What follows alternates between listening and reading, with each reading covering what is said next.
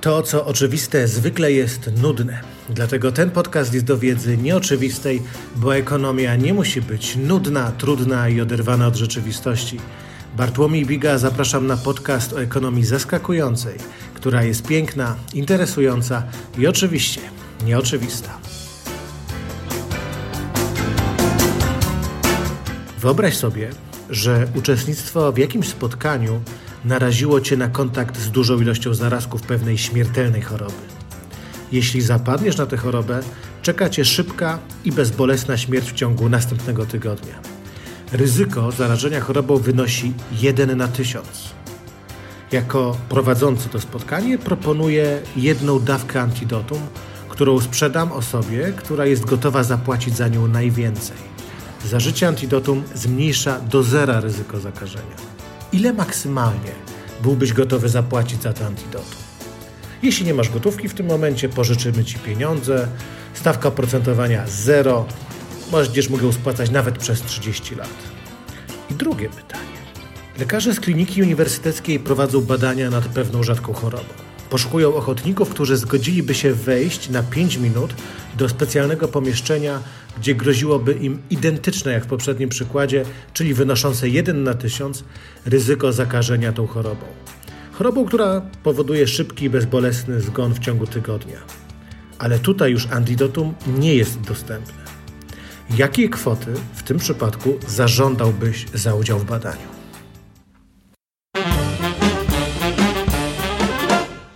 Te pytania pochodzą z eksperymentu Richarda Tylera, laureata Nobla z ekonomii. Respondenci w pierwszym pytaniu najczęściej odpowiadali, że za takie antidotum, jeżeli już wcześniej byli na takim spotkaniu, gdzie mogli się zarazić, są skłonni zapłacić nie więcej niż 2000 dolarów. Natomiast na pytanie B odpowiadali, że nie mniej niż 500 tysięcy dolarów za to, żeby wziąć udział w badaniu, w którym dopiero zostaną narażeni na ryzyko zarażenia się tą chorobą. Często wręcz w tym drugim przypadku w ogóle nie godzili się na to, żeby wziąć w tym udział niezależnie od tego, jaka kwota byłaby proponowana. A przecież teoria ekonomii twierdzi, że to powinny być takie same kwoty, bo tu chodzi dokładnie o takie samo narażenie i o jego neutralizację. Jest taki inny punkt odniesienia. W pierwszym przypadku już zostaliśmy narażeni i dopiero możemy wykupić się od tego ryzyka, a w drugim przypadku nie jesteśmy narażeni, ale mogą nam zapłacić po to, żebyśmy się wystawili na to narażenie. Skąd ta różnica? To właśnie jest efekt posiadania. Efekt posiadania oznacza tyle, że ludzie wyżej cenią to, co już posiadają. Ta sama rzecz, kiedy jest w naszym posiadaniu, wydaje nam się cenniejsza niż dopiero wtedy, gdy mamy ją kupić. Z tego powodu dyskomfort związany z utratą czegoś jest większy niż radość, komfort wynikające z wchodzenia w posiadania czegoś. Łatwiej jest nam w ogóle obyć się bez czegoś, niż utracić coś, co choćby przez chwilę było nasze. I to pokazuje dokładnie ten eksperyment. Kiedy nie mamy ryzyka, zapadnięcia na jakąś chorobę, czyli posiadamy pełne zdrowie, to żeby pozbyć się go, potrzebujemy znacznie większej kwoty, żebyśmy zgodzili się na zaryzykowanie tego bo już posiadamy to zdrowie. Natomiast w sytuacji odwrotnej, kiedy nie mamy tego zdrowia, bo już byliśmy wystawieni na te niebezpieczne bakterie, to wtedy, żeby wykupić to zdrowie, nie jesteśmy skłonni płacić aż tak dużo i różnica jest gigantyczna. Wykupienie tego bezpieczeństwa zdrowotnego to dla większości ankietowanych nie więcej niż 2000 dolarów, natomiast narażenie się na to ryzyko, czyli jakby sprzedanie tej swojej komfortowej sytuacji, to nie mniej niż 500 tysięcy dolarów. W tym przypadku ten efekt posiadania jest szczególnie duży. W większości innych relacji, jakie znajdziemy w gospodarce, transakcji, on nie będzie aż tak wielki. Natomiast zaczęliśmy od tego przykładu, żeby pokazać, że w pewnych sytuacjach, właśnie chociażby tych dotyczących naszego bezpieczeństwa zdrowia, ta różnica między tym, co posiadamy, a nie posiadamy i jak to wyceniamy, może być naprawdę gigantyczna. Zresztą nie musimy sięgać tylko do takich skrajnych przykładów. E, podobnie jest chociażby z winem. Richard Rosset zainspirował Richarda Tylera swoją historią o kolekcjonowaniu wina. Miał on w swojej piwnicy butelki, które wiele lat temu kupił za 10 dolarów każdą z nich, a obecnie są one warte 100 dolarów. I e, Richard Rosset e, czasem przy specjalnych okazjach lubi sobie otworzyć taką butelkę, ale do głowy by mu nie przyszło, żeby kiedykolwiek pójść i kupić butelkę wina za 100 dolarów. I lokalny sprzedawca, Woody, zaproponował Richardowi odkupienie części jego składziku po aktualnej wycenie, czyli po 100 dolarów za butelkę. I ten odmówił.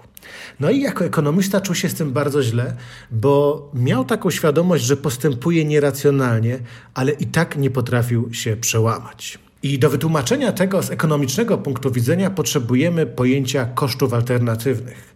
Kosztem alternatywnym jakiejś czynności jest wszystko to, z czego musimy zrezygnować, kiedy wykonujemy jakąś czynność. A przecież w przypadku butelki wina za 100 dolarów, kosztem alternatywnym jej wybicia będzie właśnie kwota 100 dolarów, która była oferowana przez handlarza. Zatem niezależnie od tego, czy Richard wypijałby swoją butelkę wina, czy kupował nową, koszt alternatywny wynosiłby tyle samo, czyli nie byłoby absolutnie żadnej różnicy, czy ta butelka już jest w jego posiadaniu, czy dopiero mają kupić. A przypominam, że on w ogóle nie brał pod uwagę, jak mógłby wydać 100 dolarów za butelkę wina. A jednocześnie, mając takie butelki wina, które kupił dużo korzystniej, i ktoś mu proponuje 100 dolarów za tą butelkę, to też nie zgadza się na to. W rzeczywistym świecie rezygnacja ze sprzedaży jakiejś rzeczy nie sprawia nam jednak równie wielkiej przykrości jak wyłożenie pieniędzy z własnego portfela. I to jest właśnie wyjaśnienie tej sytuacji. Koszty alternatywne są abstrakcyjne, one są trudne do szacowania, dlatego zwykle, gdy zestawiamy je z wydawaniem konkretnych sum, dochodzimy właśnie do takich rezultatów. I przecież w tej sytuacji z winem Richardowi powinno być absolutnie wszystko jedno. Ekonomiści behawioralni znaleźli wytłumaczenie efektu posiadania, bo według nich e, większość z nas ma silną awersję do straty.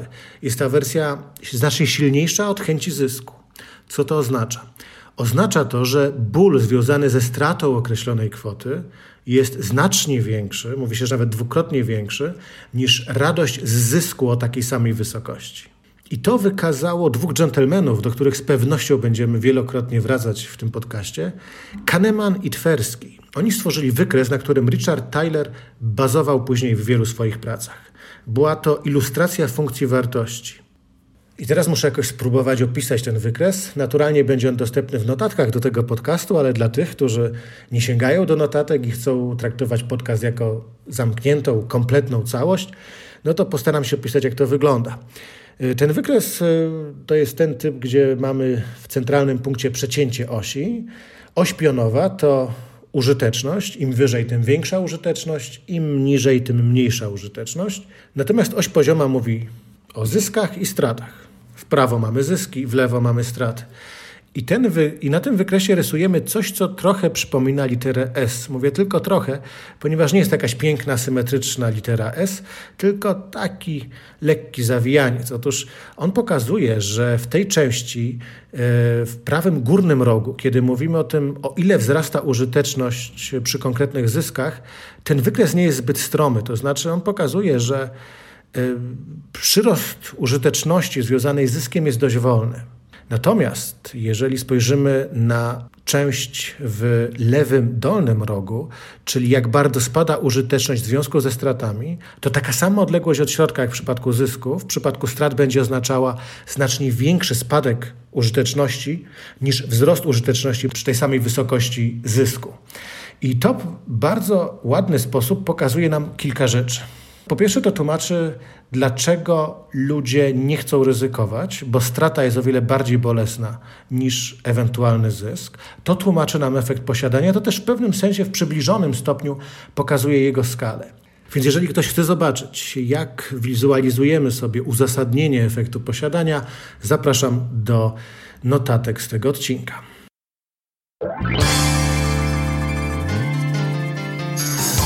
Oczywiście to nie jest tak, że z efektem posiadania nie ma żadnych problemów, że, że ta koncepcja jest w zupełności spójna i nie ma słabych punktów. No bo przecież jeżeli kupujemy na przykład kanapkę za 5 zł, to nie jest zawsze tak, że mamy poczucie, że oto właśnie tracimy 5 zł. W przypadku rutynowych transakcji zatem ten efekt posiadania możemy pomijać, bo on w zasadzie jest niezauważalny.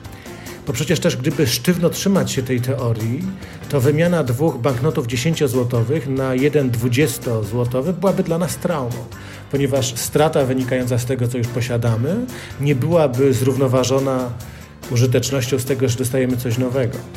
A mimo to większość z nas nie ma żadnego problemu, żeby komuś rozmienić czy zamienić pieniądze. Ten odcinek powstał na motywach książki Richarda Tylera Zachowania niepoprawne i będziemy wracać do tej książki pewnie nie raz, bo to opowieść o prawdziwych ludziach i ich gospodarowaniu, a nie o tym, co Tyler nazywa ekonami. A czym są owi ekoni, którzy nie istnieją, wyjaśnię w kolejnym odcinku podcastu Wiedza Nieoczywista. Notatki do tego odcinka znajdziesz na mojej stronie internetowej bartlomiejbiga.pl przez 007. Jest to siódmy w końcu odcinek podcastu. Tam także streszczenie, wykres, o którym mówiłem, polecane, cytowane materiały. Więcej informacji o podcaście i o innych moich działalnościach na bartlomiejbiga.pl. Zapraszam serdecznie, zachęcam, żeby odwiedzić, zasubskrybować, komentować, polecać i oczywiście zapraszam do usłyszenia w kolejnym odcinku podcastu Wiedza Nieoczywista.